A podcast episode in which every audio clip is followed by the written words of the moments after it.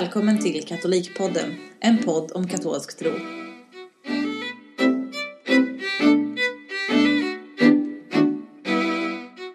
Hej och välkommen till dagens avsnitt av Katolikpodden. Vi eh, poddar idag tillsammans med två bebisar. Utöver eh, mig och Paula och eh, Miriam som är Paulas syster. Jag som trodde det var vi som var bebisarna. Ja, exakt. Jag presenterar er två som bebisar. Nej, vi är tre, tre vuxna kvinnor och eh, två bebisflickor och eh, en bebis i magen. Så att vi är verkligen eh, ett stort gäng som poddar idag. Ja. ja, men jag tänker vi kan börja med att presentera dagens eh, gäst och det är Paulas syster Miriam. Hej hej. Hej! Berätta lite om dig själv är du snäll. Jag eh, är 32 år. Jag jobbar som, Tror du? tror jag. Jag jobbar som läkare. Och eh, jag är katolik också. Så eh, jag och Paula har gått tillsammans i kyrkan sedan vi var små. Och eh, nu har jag blivit tillfrågad att vara med i den här podden, vilket känns väldigt spännande. Det är första gången jag är med i någon podd någonsin. Så vi får se hur det går om jag sköter mig rätt. Det tror jag blir jättebra.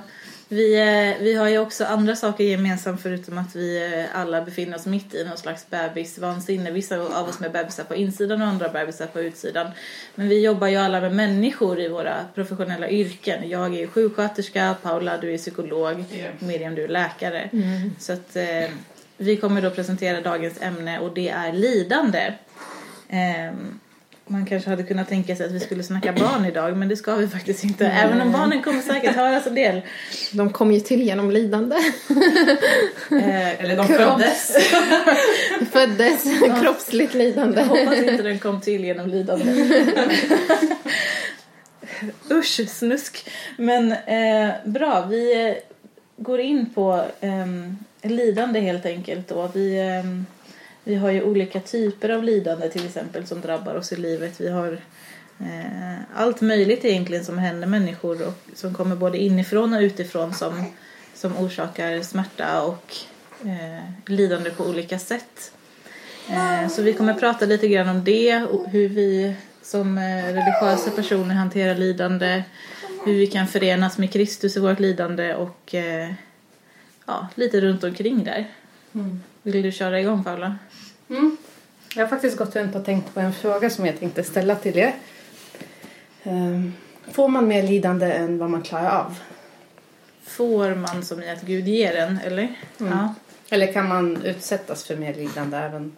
Vi kan ju gå in sen på om det är Gud som ger lidandet eller inte. Det beror på vilken typ av lidande du menar. Kroppsligt lidande, psykiskt lidande. Både och. Och eh, beror på vad man menar med klara av också. Hur tänker du? Nej men alltså vad man menar med att klara av ett lidande det kan ju vara Alltså ska man komma ut på andra sidan med någon slags framgångsfaktor eller komma ut på andra sidan starkare eller ska man liksom bara ha överlevt eller ska man eh, liksom ha eh, mött sitt lidande på ett konstruktivt Alltså det beror, jag, jag tycker det beror lite grann på vad man menar med att man har klarat av det. Alltså många människor överlever ju väldigt svåra eh, situationer, både psykiska och fysiska, men kanske inte kommer ut som mer hela människor efteråt. Ja. Så, så kan det ju vara. Medan andra som genomlever lidanden kan komma ut och finna styrka i det på något sätt. Så vad är ditt svar? Ehm, jag tror inte att Gud ger mig mer lidande än vad jag klarar av. Men jag tror att människor runt omkring mig kan ge mig mer lidande än vad jag klarar av. Alltså därför att det som kommer från Gud är ju inte... Det ska ju inte vara Inte mer än vad jag... Ja. Nej men det, jag tror inte Guds plan ska vara att ge mig mer lidande än vad jag kan klara av. Men däremot, Gud har ju inte kontroll över andra människors synder, eller hur? Till exempel. Så Gud tillåter lidande även om det inte är hans vilja att vi ska lida. Mm. Men jag tänkte... Det är ju en vanlig fråga man får när man har konfirmander. Kan jag, Ja. Får jag mer lidande än vad jag klarar av? Eller så här, kan man få det? Och svaret är egentligen ja. ja. För att vi lever inte i den världen vi skulle ha levt i. Nej, precis. På grund av synden. Mm. Ja, för det var det jag tänkte på när du sa jag kan få det av andra människor. Men det är inte själva andra människor i sig som ger lidande. Så det är ju via den ondske som Mm. arbetar via de andra människorna. Så det är egentligen, det, det är som ni säger, det är inte via Gud man får lidandet utan det får man via den ondske som arbetar genom människorna. Så frågan är, ja, man kan få mer lidande än vad man klarar av. Men sen är det upp till var och en hur man tar hand om det, det lidandet. Om man, Alltså jag tror faktiskt att det är ett val. Ska man finna styrka i det man har gått igenom eller ska man låta det knäcka en? Och det, det har man sett nu om vi relaterar tillbaka till hur det är att jobba med människor. Claudia kanske känner till och Paula också att två individer kan genomgå exakt samma sak och vissa blir knäckta av det medan andra finner styrka och mod att hjälpa andra. Något, det mest tragiska man kan uppleva i livet som jag har sett är ju föräldrar som förlorar sina barn. Ja. Och vissa knäcks helt och eh, de, de, de kommer aldrig över det. Inte för att man kan komma över något sånt men eh, de hamnar i en fas där de är så deprimerade. De fastnar. Men de fastnar i den fasen medan andra finner styrkan att hjälpa andra barn i samma situation. Exempelvis de barn som har genomlidit eh, cancer och det har blivit så här långdraget. Att de finner styrkan i att ja, men, samla forskningspengar, göra någonting med sitt lidande så att det blir någonting konstruktivt. Så även om vi får lidande så ha, har vi ett ansvar för hur vi ska hantera det lidande. Ska vi låta den ondska knäcka oss eller ska vi låta det goda segra i vårt liv och göra det till något bra? Ja. Sen är det som du säger, folk tar det på olika sätt och det har man eh, kunnat se inom psykologin. För, eh, dels kan det bero på anknytningen eller hur har din, ditt förhållande med dina föräldrar varit som barn. Eh, men sen så ser man att de som är religiösa klarar av lidande betydligt bättre än de som inte är det. Och det kan jag tala för egna erfarenheter när jag har träffat patienter som har varit troende oavsett vilken religion det har handlat om. Eh, där var det inte lika farligt att släppa iväg dem. Man var inte rädd att de skulle suicidera helt plötsligt. På samma sätt som det kunde Alltså vara med andra suicidera, patienter. att det begår självmord då om man Ja. tittar i medicinspråket liksom så. Ja, fortsätt. Ja. Ehm, och de klarade av behandlingen mycket bättre för de kunde hitta en mening i sitt lidande. Ehm, sen ja, till viss, vissa kan se det som en bestraffning också. Varför händer det här mig? Gud hatar mig eller Gud straffar mig. Men det beror på lite hur man, ens relation till Gud och vilken religion man har och så. Där kan det påverka. För Men- det finns ju en, en teori som heter KASAM, eller hur? Antonovsky, som de gick Känns igenom det. den på, på eh, sjuksköterskeutbildningen jättemycket. Det var liksom varje termins eh, stora teori ungefär. Nej men känsla och sammanhang i det och då, då ehm, hur man liksom klarar av olika kriser i livet olika sådär där. Och då de tre komponenterna är meningsfullhet, begriplighet och hanterbarhet. Och som religiös så kanske man redan har den här meningsfullheten med sig från början. Att man, man får liksom lite hjälp och stöd i, i det. Eh, men sen hur man liksom förstår och hanterar sitt lidande kan ju vara en annan sak. Däremot, jag kan tänka att det är lite så svårt också. eh, för att människor kan ju befinna sig mitt i krisen. Som orsakar lidandet. Men att mitt i krisen så är det väldigt svårt att säga till någon att, att det, finns ett men, det finns en mening med, i det här. För att till exempel när jag var eh, sjuk för ett antal år sedan. Om någon hade sagt till mig att det finns ett mening med det lidande. Då hade jag bara smockat till dem typ. För att man... Det här är meningen. Ja, exakt. Nej, men för att man vill ju inte höra det mitt, mitt i krisen. Men att däremot när, man, när det värsta är över, den akuta fasen. Det är väl kanske då man kan börja använda sitt lidande för något konstruktivt. För det, det är viktigt att du poängterar det. För nu när vi säger så här, ja, men att kristna kan hantera det bättre. Det, det innebär inte att vi inte blir deprimerade Ja. själva, Ja. sjuka eller genomgår ett stort lidande. Det är inte vad det betyder. Nej. Man går igenom det trots att man är troende i lika hög grad som alla andra. Men det är som du säger, fasen efteråt. Ja, och Det är åren den som som följer. sig. Ja. Precis. Mm. Så det, vi, vi får vara noga med att vi inte, vi inte eh, vill säga åt alla som är kristna och lider att eh, skärpa er och bara tro mer. För att det funkar Det inte så. Eh, och, det vet vi. Det vet vi. Sen jag jobbade tidigare med svårt traumatiserade och där var det mycket, alltså jobbet gick ut på att hålla dem över utan så att de inte skulle knöd. Så det var inte så mycket att ja, men nu ska du ta dig igenom det här och det kommer gå jättebra utan det var mer Ja. ja, men överlev för idag eller Ja. lova mig att inte skada dig själv till nästa vecka. Just det. Ehm, Men där måste jag säga, de som var troende var mycket bättre på det. Eller bättre och bättre, men det var en livlina. Alltså Gud var en livlina för dem. Men man märker ju själv. Alltså, jag pratar ur egen erfarenhet. Där man har, jag fick ju en eh, depression efter mitt första barn. Då var jag jättenere. Alltså, det gick inte ens att beskriva. Jag var så här jättenere. Eh, men då på något sätt, alltså man, man, man insåg att det var någon mening med lidandet. Alltså man tog det och man kunde hantera det på ett sätt bara för att man hade tron. Man kunde gå och finna tröst i Bibeln, man kunde finna tröst i, i, i eh, religiösa texter och så på ett helt annat sätt. Och jag tänkte, om jag inte hade den tron hade det varit mycket svårare att ta sig igenom den perioden. Så det gick mycket lättare och mycket snabbare. Och under, fastän man led på något sätt så fann man tröst i sin tro. Alltså det, det var som en... Det fanns en mening med det på ett helt annat sätt. Och eh, det, apropå det här med att du har eh, känt eh, att eh, de här eh, patienterna som har varit troende. Jag kommer ihåg under studietiden så under läkarprogrammet så satt vi faktiskt och diskuterade och det har gjorts studier som har faktiskt bekräftat det svart på vitt. Att eh, religiösa eh, människor eh, de är generellt sett lyckligare i sitt liv, suicid, eh, tar mindre självmord och så vidare än eh, människor som saknar tro. Kul att du nämner det, för jag har skrivit ner om en longitudinell studie som gjorde mellan, gjordes mellan 1996 till 2000...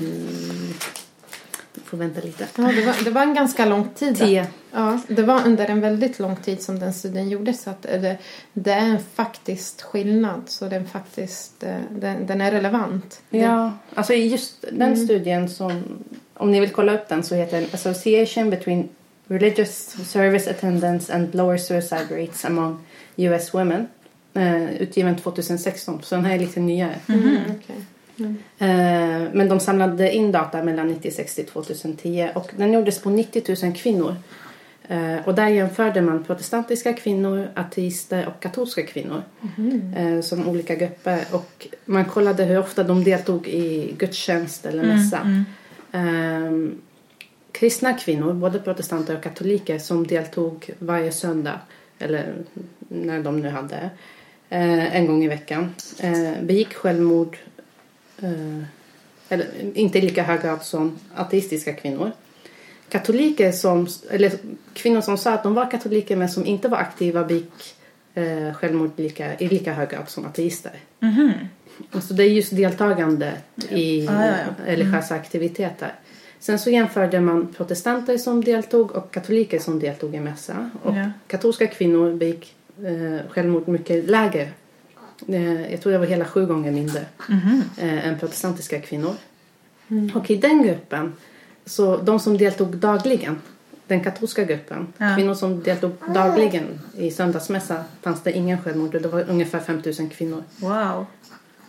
Och man tror att det dels har med gemenskap, att man går och man träffar andra, men sen också synen på självmord i, inom den religionen.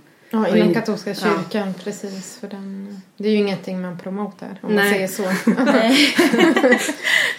Det är ingenting man promotar någonstans i samhället skulle jag säga. Men att, men att just eh, de religiösa liksom, ramarna till eh, alltså, självmord finns inte som en, en, liksom en utväg utan Men vad spännande att det skiljer sig mellan katolska och protestantiska. Vad tror ni det beror på? Ingen Men aning. jag tror faktiskt det har att göra med lidande, alltså synen på lidande. För inom vissa protestantiska grenar så kan det också vara eh, det här är en bestraffning för dina synder. Medan i katolska du får syndernas förlåtelse och lidandet är något positivt också. Det är inte enbart negativt. Eh, det är självklart negativt att ha ont men eh, du kan uppoffra ditt lidande och omvandla det till något gott vilket du inte kan inom eller man har inte den synen riktigt inom de andra grenarna. Alltså, vi samlas ju alla kring, kring korset som är liksom den ultimata symbolen för lidandet på något sätt inom våran eh, livsåskådning kan man säga. Kristus led ju enorma plågor för våran skull. Jag tror att det kanske är lättare att när man förenar sitt lidande tillsammans med Kristi lidande, alltså att man jag har mitt kors och jag bär det på något sätt. Att det, det, jag vet inte, på, för, för mig så känns det som att lidande är ändå en ganska så här, stor grej i katolska kyrkan ändå. Alltså det är ju inte som att vi går runt och söker lidandet hela dagarna men många av liksom frontfigurerna eller hur man ska säga har ju ändå gått igenom stora lidanden. Jesus Kristus själv förstås, det absolut största av alla men också hans mor jungfru Maria gick ju igenom ett stort lidande när, när hon såg honom dö. Vi har ju massor av martyrer runt om, både liksom i förr i tiden och idag som dör och lider och förföljs för sin tro för, för Kristus. Vi har eh, våra stora helgon. Vi har eh, Sankta Lucia som är ju superaktuell den här tiden på året som eh, gjorde stort lidande för sin tro. Vi har eh, Sankta Cecilia som mördades för sin tro. Vi har till exempel Maximilian Kolbe som satt i, koncentrationsläger och gav sitt liv för andra. Ehm, Jag tänker även stigmata. Padre Pio, just det, eh, Franciscus. Ja. visst. För jag tror det där inom den kristna men framförallt den katolska kyrkan att eh, man tar sitt lidande och stoltserar med den på något sätt. Exempelvis eh, när, Jesus fick korsfästas och begravas. Vi tog symbolen för det absolut svåraste lidandet. Korset är ju ingenting eh, som är eh, något enkelt. Alltså det var ju, han spikades på ett kors. Det var ju det mest barbariska man kunde utsätta en människa för. Och vi tar det och bär det stolt på våra bröst just nu. Och har gjort det extrema lidandet till någonting vi stoltserar över. Vi har Visst. överlevt det här. Vi, Ja. vi är kristna. Och så framförallt också hur det gjordes som en, en, en kärlekshandling. Ja. Lidandet i det här fallet var inte bara ett resultat av ondska utan det här var Gud som gav sin son till oss för att han älskar oss så mycket. Så om du älskar någon, du vill ligga och offra din bekvämlighet. Ja, eh, ge av kärleken. En, ja, av kärleken till den andra människan. Mm. Jag stötte faktiskt på det här. Nu minns jag inte vilken artikel jag läste men det handlar om föräldraskap. Ehm, och där tog man upp att ja, men föräldrar ju av sig själva. Det är, ju- det är ju ett lidande att inte sova flera dagar i veckan. Ja, visst, det är ganska bra med lidande att vara gravid och föda barn och eh, byta blöjor varje dag och inte ha tid för sina egna hobbys eller vad det nu kan vara liksom. Ja, eh, och där tänker jag att vi som kristna kan... Alltså det blir en kärlekshandling. Ja. Om jag går upp av kärlek och tar hand om mitt barn och ammar eller matar och byter blöja. Och, Ja. ehm, hela, alltså att vara förälder är en kärlekshandling. Är det inte också ett sätt att man kan välja att se på det? Alltså att antingen man går upp och bara Åh, det här är det sämsta i hela mitt liv. fler barn. ja, men eller så här att man, jag tänker hur man, hur man ser på sina offer, att man, man, man bär det med kärlek typ, att man inte att man inte bär det med, eh, med bitterhet eller så. Det är ju samma sak i äktenskapet eller, eller i vänrelationer eller på arbetet. Man behöver ju faktiskt inte alls ha en bebis för att liksom gå igenom de här sakerna och, och välja sitt lidande och offra upp det och liksom göra det med kärlek. Utan det finns ju i alla situationer. Det kan ju vara typ att eh, du har ont i ryggen en dag för att du har sovit dåligt eller för att eh, det luktar asäckligt på tunnelbanan typ. Men du bara, jag bär det här, jag ska bara åka en liten bit. Typ. Det märks att du är gravid. Exakt. Eh, eller eller ehm, alla de andra liksom, fysiska lidandena som vi möter. Vi, eh, var, var det än kan vara sådär. På sjukhus, du har ett cancer, du har en cancersmärta, du har liksom en vad det kan vara. Men, eller, eller typ det här du gör i din relation för din man eller för din fru för att, för att av kärlek.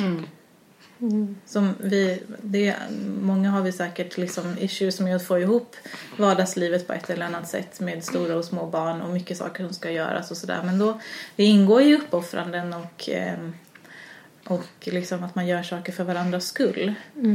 Och det måste vi ju göra med kärlek för annars blir det ju olidligt. Mm. Vi instämmer. Ja, nej men så att eh, hur, hur, hur vi möter vårt lidande har väl också att göra med hur, hur vi har, bär kärlek i vårt hjärta lite grann också. Ja. Tänker jag mig. Det blir ju lättare att genomgå lidandet om man gör det på det sättet du pratar om. Mm. Om man väljer att se det, ja, men så, jag upp- uppoffrar min egen bekvämlighet av kärlek till dig. Mm. Då blir det lättare än att tänka, men åh vad jobbigt, nu måste jag gå upp igen. Alltså förstår Ja, du? ja. Så det, det, det är ju ett sätt att kunna hantera det.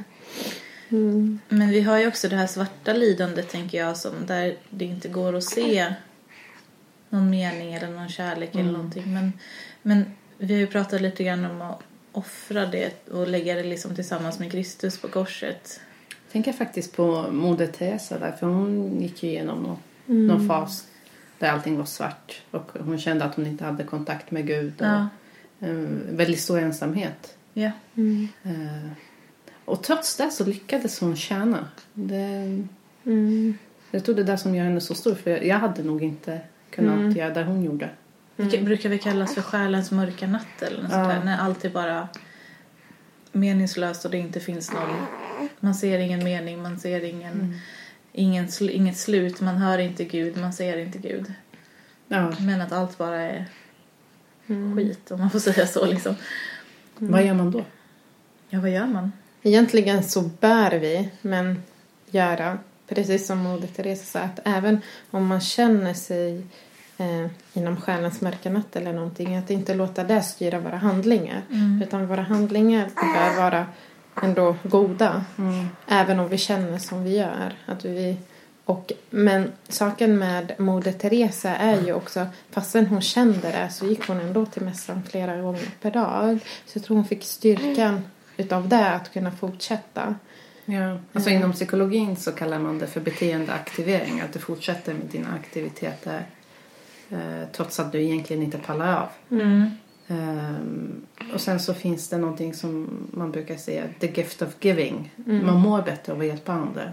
Mm. Eh, men jag tänker just där i den stunden när man känner att ah, men nu orkar jag inte lyfta huvudet från sängen och ändå samla tillräckligt med kraft för att göra det. Det tar väldigt mycket. Alltså, det, jag tror inte alla skulle klara av det på egen hand.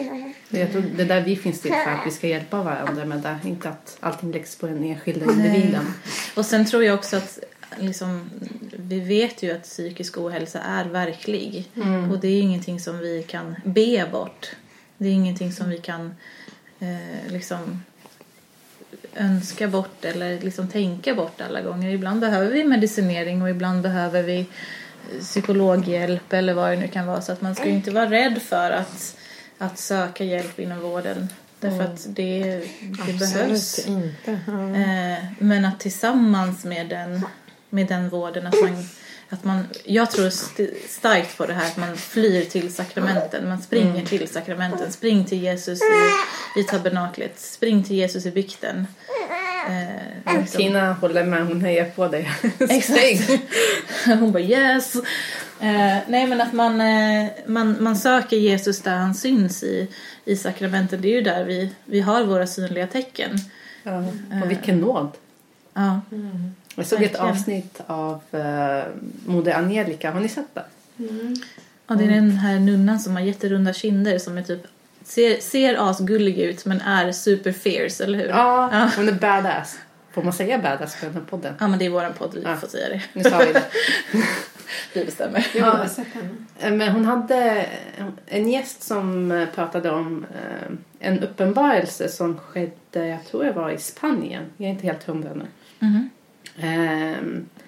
Den, den här uppenbarelsen är inte bekräftad av kyrkan på något sätt. Okej. Hon hade ändå bjudit in den här kvinnan för att prata. Mm. Eh, och uppenbarelsen gick ut på att ehm, det kommer ske någon slags skärseld på jorden där folk kommer få lida väldigt mycket. Mm. Mm. Och att det kommer ske snart. Nu är Moder Angelica död men att det skulle ske under en, vår livstid. Typ.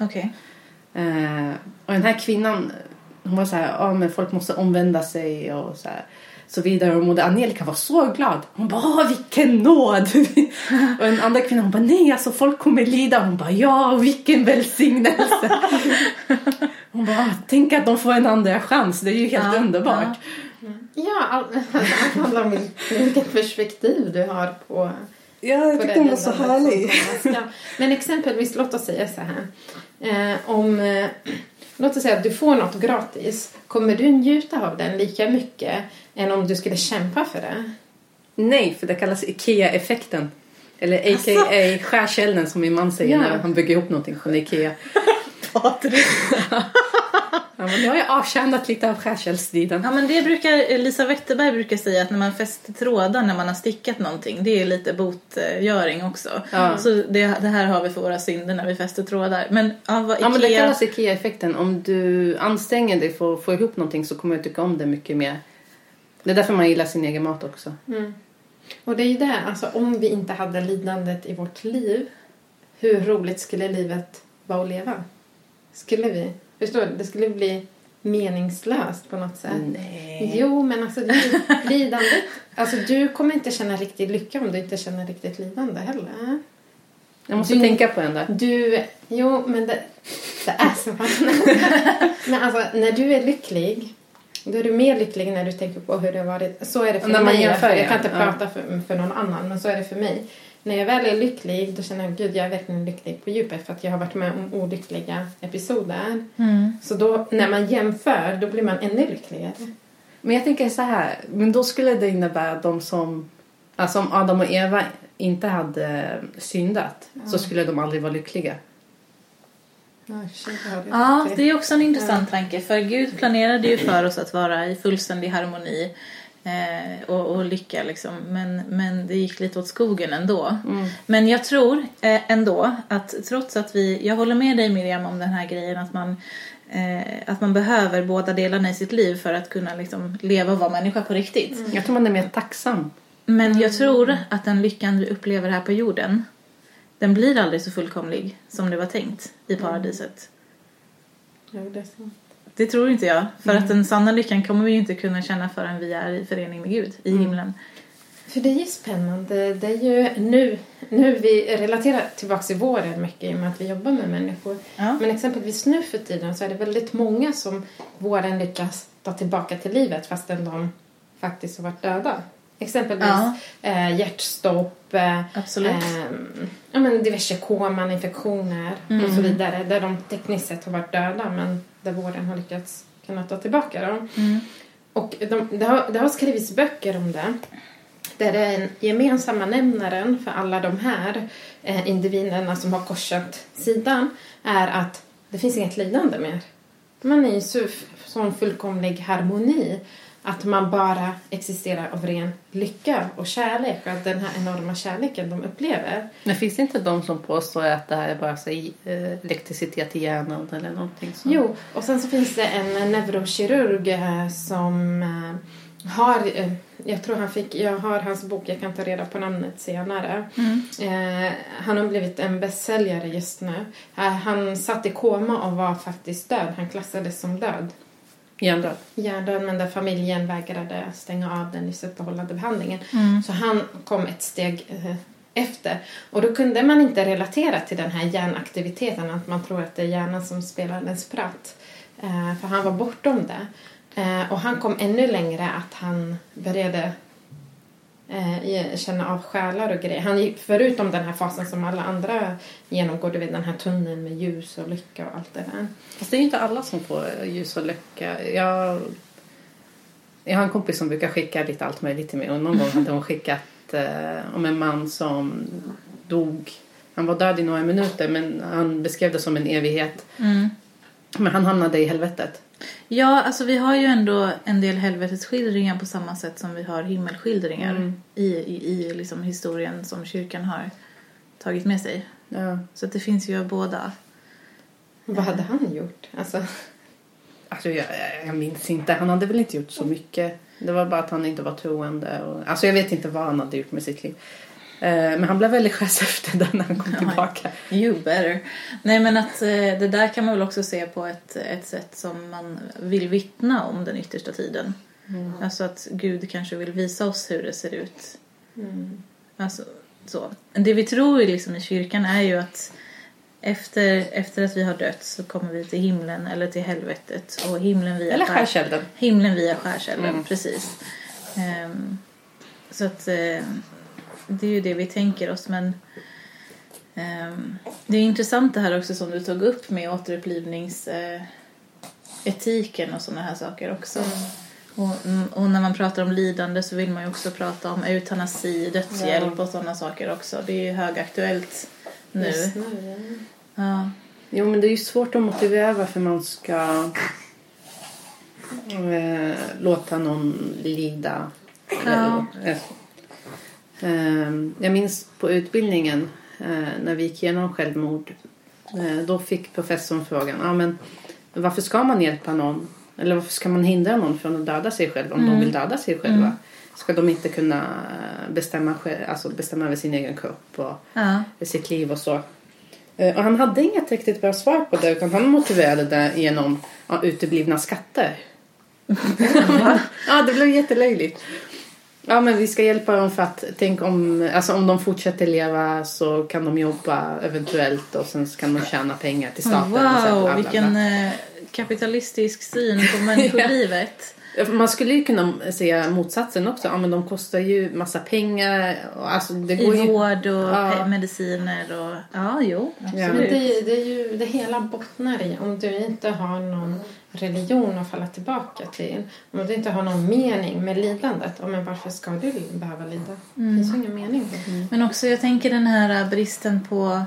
ehm, vi har ju pratat mycket på, om, i Katolikpodden om, om hur saker och ting ska vara så enkelt nu för tiden. Att man, eh, eller nu för tiden, men det kanske, jag tänker att det är människans liksom, längtan hela tiden att saker och ting ska vara enkla och lätta. Men att nu vill vi ha snabb tillfredsställelse. Vi, vi eh, har våra, våra liksom, sociala medier. Vi har liksom mycket, mycket hjälpmedel för att saker och ting ska vara enkla. Ehm, och om allting hela tiden kommer till oss enkelt. Vill vi ha nya grejer så klickar vi hem det på, på nätet. Vi kanske tar ett lån lätt. Vi kanske, ja men typ Tinder är väl ett sån här jätteexempel på hur man bara kan gå från en partner till en annan ganska enkelt. Ehm, men att saker och ting ska komma till en lätt och att därför, som du pratade om Miriam, att, att eh, njuter du av en sak som du har fått lätt på samma sätt som du kan njuta och vara stolt över en sak som du har kämpat för. Till exempel, vi har jättemycket skilsmässor i Sverige. Mm. Handlar det om att man eh, liksom är beredd på att, eh, att man var beredd på när man gifte sig att man skulle få offra ganska mycket för sitt äktenskap? Eller handlade det om att, att eh, man trodde att det skulle vara på ett visst sätt, att det skulle vara pirr i magen och allting skulle vara enkelt i början? Alltså, är vi beredda på ett lidande? Är vi beredda på att offra saker för att liksom få det som gör oss lyckliga?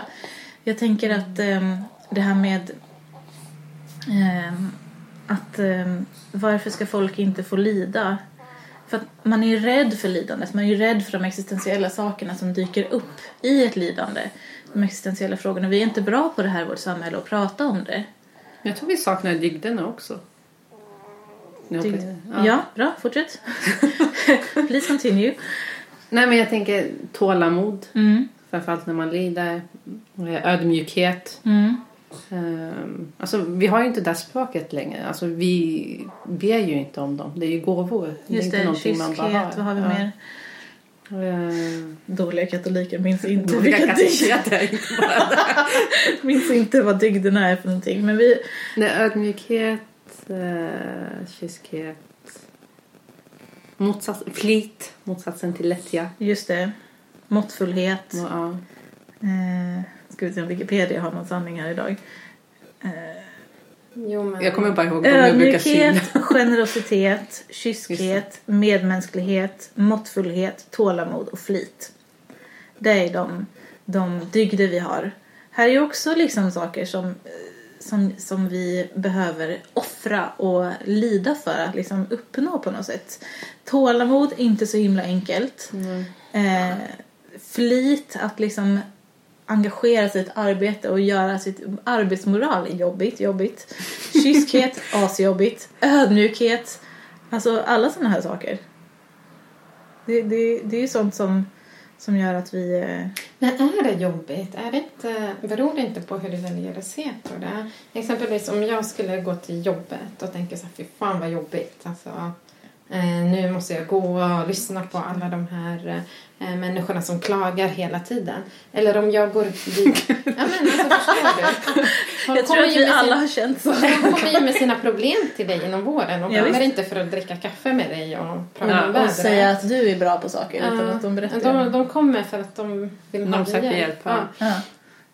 Ja. Så om man väljer att se det på det sättet så, så blir det väldigt svårt att kunna hantera sin vardag. Men om, om man väljer att se det på ett sätt, ja men nu ska jag gå och göra en skillnad i en människas Mm. liv. Jag ska gå och hjälpa någon så att jag kan lätta på deras börda. Då, då blir man mycket lyckligare i sitt arbete. Ja, men precis, och då har du använt- medmänsklighet. Då har du använt dig av en dygd, medmänsklighet, för, för att liksom i ditt liv och det är bra. Eh, För det, det är ju det med lidandet också. Det beror på hur du... Alltså du kommer ju få... Alltså det är inte roligt att vakna klockan fem på morgonen och göra det. Men du kan välja och omvandla det psykologiskt ja. till någonting bra. Som, så, så att det i slutändan, summan av kardemumman så att säga, blir något God jul! positivt. Ja, men jag tänker just där. Vi har alla olika gåvor. Du kanske har fått mycket av den här medmänskliga dygden. Ja. Eh, någon annan kanske har fått mer tålamod eller så vidare. Men du, att det är viktigt att be Gud om att få det man behöver. Ja, det man saknar. ja, Ja, Ja. Det är sant. För jag ber om tålamod när jag är uppe två på natten och försöker natta om en bebis. Ja. Det förstår jag. ja, nu har jag förlossning om fem veckor här så då blir det, det blir verklighet för mig också snart det där. Ehm, Men du kanske får en bebis som sover på nätterna. Ja, med min historia så tror jag inte det. Men eh, jag läste också lite grann eh, i, eh, i UCAT, eller om det var DoCat, men eh, hur eh, lidande kan också vara resultat av andras dåliga beslut ungefär. På samma sätt som världen är liksom sned jämfört med hur Gud tänkte sig. Att allting vi lider för, det kan ju vara typ dåliga politiska beslut kan det ju vara till exempel. Sånt som händer också Ja. runt omkring oss. Att det är liksom inte bara... Men man klarar ju av, um, det man har sett inom uh, traumaforskning, det är att um, är det naturkatastrofer så uh, tenderar man att klara av det mycket bättre än ifall det är någon som har gjort någonting mot dig. Att det är um, andra människor som har skadat dig. om du jämför en tsunami med en tortyr Ja, till exempel. ja precis. Och hur kommer det sig? Um, för en naturkatastrof är opersonlig. Det drabbar alla. Ja, just det. Mm. Eh, Men att en person utsätter dig är ju mer personligt. Ja, det finns ju en helt annan dimension av ondskan i den. Mm. I det personliga mötet. Har ni läst C.S. Lewis? Nu vet jag inte hur mycket tid vi har kvar. Well, jag har läst Narnia. Och det var det. Men han har ju skrivit om lidande. Han har Ja, skrivit, men fort, ja, berätta gärna. ehm, jag tror den heter Lidande, en av böckerna. Och där skriver han mer allmänt om lidande och hur kan en god gud eh, tillåta lidande och så Mm, vidare. mm. Om Gud är allsmäktig, varför tar han, inte, eh, tar han inte bort lidande och får oss Mm. att älska honom ändå? Den eviga frågan, ja. Ja. Vad svarar ni på det? Alltså för min del så skulle jag nog säga att här, om Gud vill att vi ska vara fria på riktigt i och med att han har gett oss den fria viljan då kan han inte ta bort lidandet därför att vi måste få vara fria och synda mot varandra även om det inte är bra. Alltså att eh, den fria viljan lämnar utrymme åt synden och det skapar lidande både för oss själva och andra. Mm. Så att jag tror att det måste, eh, det måste mm, liksom, det ena följer av det andra.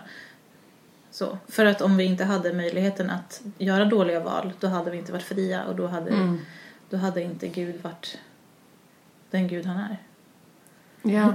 Jag C.S. Lewis säger att bara för att man slänger ihop en massa ord och alltså betyder inte att de är vettiga. Till exempel att Nej, true. Ja, du kan inte Ja. säga en omöjlighet eh, och sen bara, ja men om inte Gud kan göra det så är han inte alls mäktig.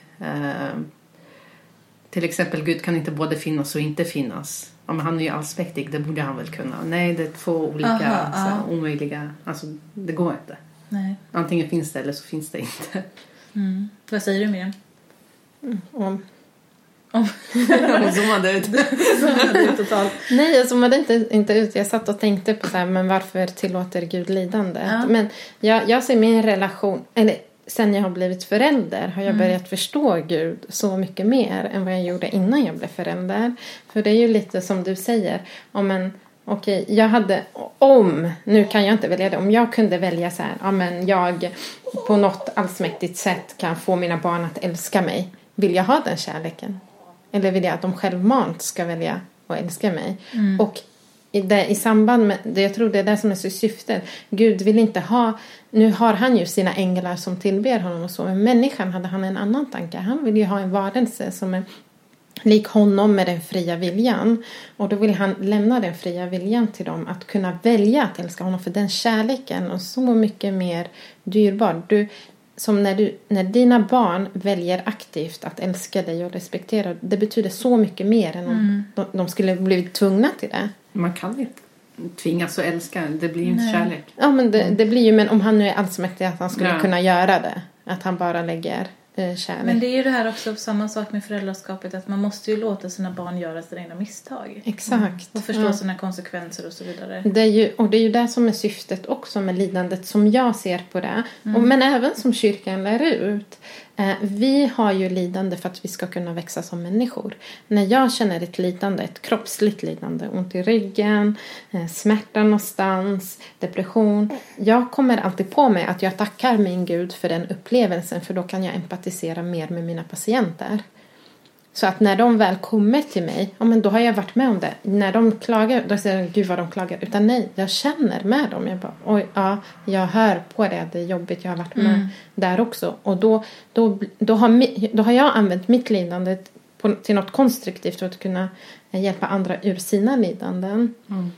Men, men det är ju så. Och så, så, men varför ska barn behöva lida? Men ja, det är kanske dåligt att barn lider. De har inte gjort någonting. Jag ser inte lidande som en bestraffning, jag ser lidande som en lärdom. Varför ska barn behöva födas med Downs syndrom och få hjärtfel och allt det där och alla de här operationer? Men för att vi ska kunna lära oss något av det. Det är ju så. Det är ju en lärdom i livet.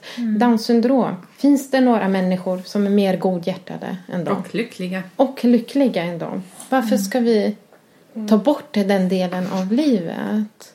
För att de är inte belastning är liksom- för oss, inte för dem. Nej men och det är inte upp till oss att veta vilken människa som, som eh, liksom har värde, eller liksom mening eller vad, vad ska man säga. Vi, jag kan inte se på en annan människa och säga att du, du är mer värd att leva än den här personen. Då försvinner ju hela, det är ju det här som hela abortdiskussionen är också.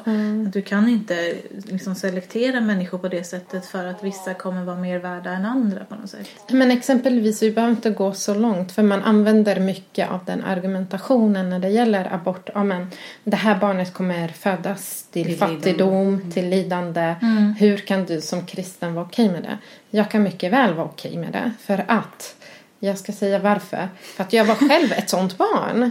Jag föddes i ett krig, en av världens eh, värsta inbördeskrig där min framtid eh, såg becksvart ut. Och ändå, kolla på mig nu. Jag, jag är bland de lyckligaste på jorden. Jag har en familj, jag har ett hus, jag har allting. Men hade man kunnat använda den argumentationen om en eh, du eh, är född i Beirut under ett inbördeskrig, du kommer få ett... Visst, jag hade ett lidande när jag var barn. Men mitt liv har blivit så mycket bättre och jag är till en stor hjälp för andra. Ja, visst, man kan aldrig se på ett litet foster och säga ditt liv kommer bara vara ett lidande. Lika gärna avsluta det nu. Ja men precis, och du kan aldrig säga vad som, vad som kommer i en människas framtid. Så det... Och det är ju via mitt lidande som barn som jag har kunnat utvecklas och bli den starka personen jag är idag. Så jag behöver inte gå bort och prata om andra när det gäller exempelvis abortsituationen och lidande. Jag kan gå tillbaka till mitt eget liv och se hur det har utstakat sig. Och ur de största lidanden kommer den största medmänskligheten också. Ja, nu blir jag emotionell. Det var jättefint. Men då har ju du också en inneboende liksom, kraft att, att eh, det finns, alla kan ju inte ta sig ur. Vi har ju många människor som har vuxit upp i missbruk och så vidare och blivit väldigt trasiga själva. Men att det kan man ju inte veta innan och det är ju faktiskt ett tecken på att världen är väldigt skadad. Att, att egentligen så skulle vi kunna hjälpa alla människor om vi ändå liksom la manken till och faktiskt eh, fördelade våra resurser väl och att vi, vi hade en annan medmänsklighet så. Men nu är vi ju skadade, vi lever i ett samhälle som inte är friskt. Vi lever i ett samhälle där vi inte prioriterar våra pengar ordentligt, alltså på rätt sätt så. Mm.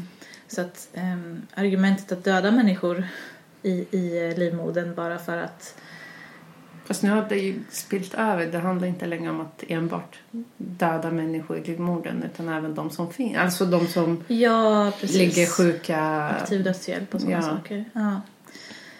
Precis. Att man ska börja hålla på och legitimera människors existens blir så himla eh, svårt att säga.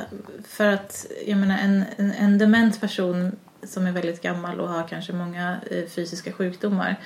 Man kanske kan se på den från utsidan och säga, ja men det här är väl inget liv. Kanske man kan säga. Men det, Det vet var väl något fall i Holland eh, Mm. där släktingarna bestämde att eh, en dement kvinna skulle eh, ja, Mm. Få dödshjälp fastän hon egentligen inte ville dö. Nej, precis. Eh, Eh, och då det hade finns ju- läkaren hoppat på henne och de höll fast henne. Och, ja. Det finns ju ganska många osköna exempel på hur fel det kan bli med eutanasi. Um, Speciellt när det kryper ner i åldrarna. ja men visst, och sen vad är ett lidande liksom? Och, och vad, vad är ett ovärdigt liv? Och är det verkligen upp till oss att bestämma det? Det tycker jag inte. Jag tror att eh, om vi inför eutanasi i Sverige så blir det nog den dagen som jag slutar som sjuksköterska. Ja, jag har exakt, exakt samma tanke. Då hoppar jag över. Då, då får vi hitta på något annat. Ja, hitta på Då det. Jag tänker en, inte eh, vara med på de Då öppnar vi en barnmorskeklinik för katoliker. Yes. Eller något.